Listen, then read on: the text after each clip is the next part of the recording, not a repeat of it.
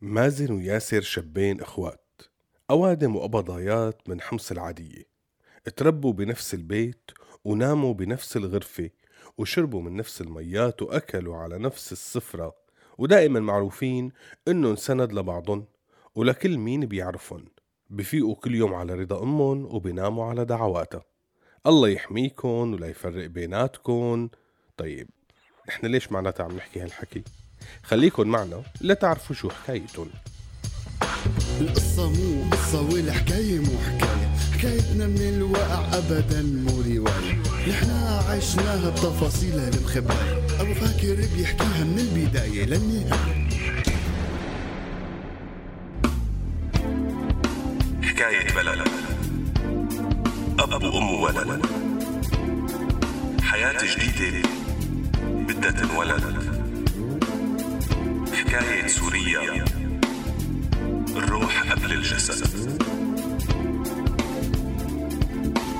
الروح قبل الجسد. هلا مع حكواتي السورياني عاها راديو السورياني. خليكم معنا. كان مازن أكبر من ياسر بسنتين يعني ذكريات طفولتهم مقضينا سوا. أيام المدرسة المراهقة الوقفة جنب مدارس البنات كله بيتذكروها وبيضحكوا عليها سوا. صح مازن كان أكبر إلا أنه الكل بيعرف عن ياسر أنه منضبط وجدي أكتر. حكيه قليل واعي وأكبر من عمره. أما مازن فكان بيتميز بخفة دمه ورواقه وطبيعيته. حركاته ونهفاته يلي بتبسط كل اللي بيقعد معه. يعني مثل ما بيقول المثل الله خلق أخين بس ما خلق طبعين. بس مع هيك ما كان في شي بيفرقن محبتهم لبعض ضلت فوق كل شي لحد ما حصل طارق صغير.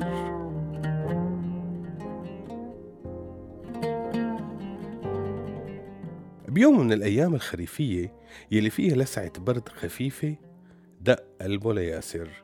كانت صبية معهم بالحارة اسمها لينا. مع إنهم بيعرفوها هي وأهلها من زمان بس ما كان يشوفها إلا بنت صغيرة. فجأة حسها صارت صبية وحلوة قريبة كتير للقلب. وهالشي صار لما كانت جاية مع أهلها ليعايدوهم صفن فيها وهي قاعدة حس فجأة كبرت.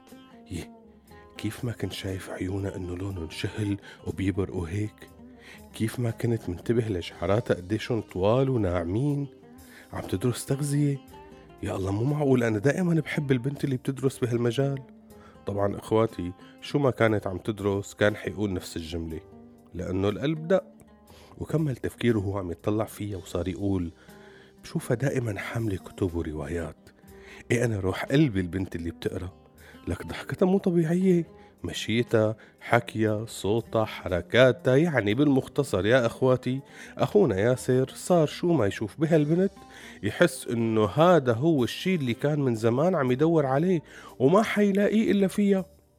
وبلش يوم بعد يوم يتعلق فيها أكتر وأكتر بس كل هالشي بينه وبين حاله.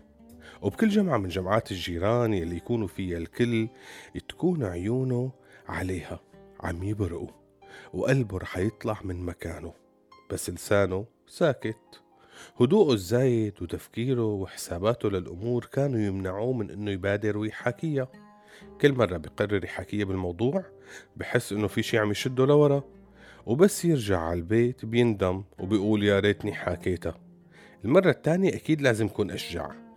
بعدين مرة سأل حاله طب ليش ما حكيت مع مازن؟ منه باخد رأيه ومنه بيعطيني أفكار تساعدني لفتحها بالموضوع. من يوم يومه هو أشطر مني بهالشغلات. وبالفعل ما كذب خبر. استنى المساء لرجع أخوه وبلش يحكي وهو حكى من هون وهو سمع الخبر الصادم من هون.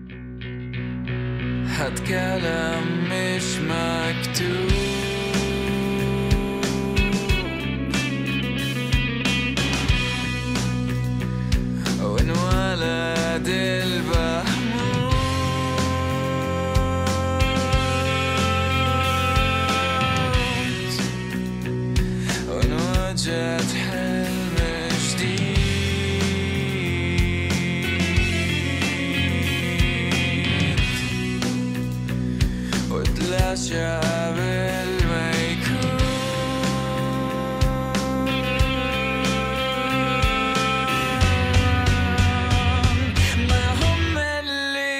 بآخر جمعة اجتمعوا عيلة مازن وياسر مع عيلة لينا.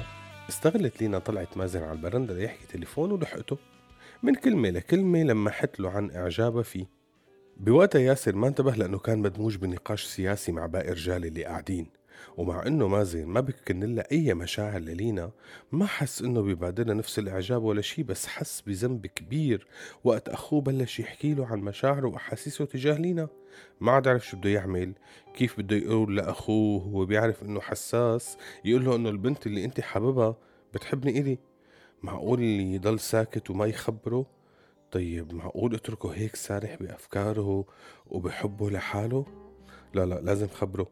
أكيد الصدمة هلأ أحسن من الصدمة بعدين. بس للأسف الصدمة طلعت أكبر من توقعات مازن.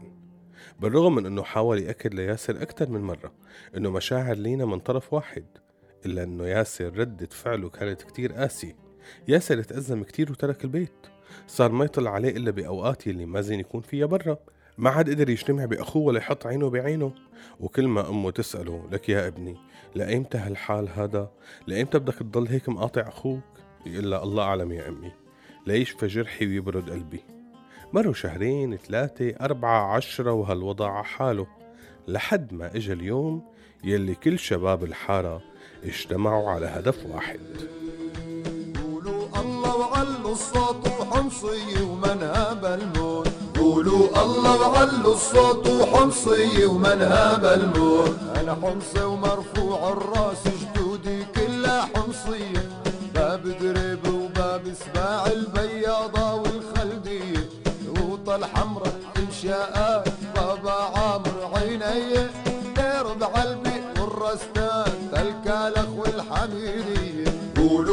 الله وعلوا الصوت وسوري ومنهاب الموت. قولوا الله وعلوا الصوت إيه إيه إيه. بعد سنة وشهرين من مقاطعة ياسر ومازن لبعضهم بلشت بوادر الثورة. وبلشوا الشباب يجتمعوا ويعملوا تنسيقيات ويحطوا مخططات. يكتبوا شعارات ليهتفوا فيها ويجهزوا للمظاهرات. طبعا ياسر ومازن كانوا من هدول الشباب بس كل واحد كان بتنسيقية. كل واحد فيهم حاطط روحه على كفه وهو بعيد عن أخوه. أمهم محروق قلبها وخايفة عليهم. وما في بتمها غير الدعاء لله يحميهم ويهديهم ويردهم لبعض. أما لينا فخلال هالفترة كانت قدرت تتعرف على شاب جديد وتنخطب وتشارك هي وخطيبها بالثورة كمان بس بتنسيقية ثالثة. وبمرة من المرات يلي المظاهرة فيها كانت كبيرة كتير والكل محتشد ومعلي صوته بلش زخ رصاص. العالم صاروا شي يهربوا شي يتصاوبوا. ياسر كان ملتم وعم يركض بس مع كل العجقة وقعت عينه على مازن. مازن مصاب برجله وعم يحاول يوقف ويجر حاله بالزور. بهاللحظة ياسر وقف خلال أجزاء من الثانية. حس إنه شريط حياته هو وأخوه مرجم بعيونه. ذكرياتهم اللي عاشوها طفولتهم شبابهم. كيف سمح لحاله يعيش سنة بعيد عن أخوه؟ كيف سمح لحاله بالأصل ياخد موقف من أخوه يلي ماله ذنب؟ لك هذا أخوه رفيق عمره.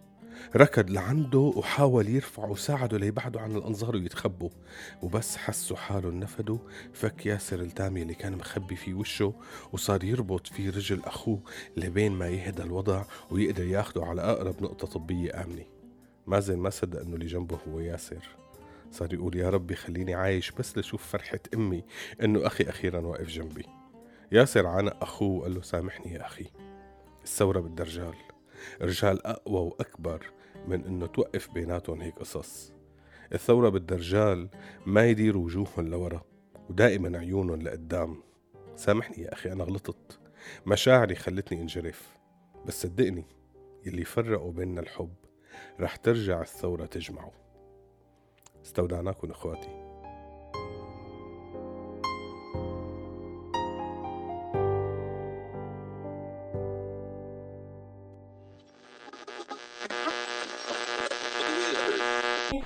هذا البرنامج من إنتاج راديو سوريالي 2017 عم تسمعوا راديو سوريالي.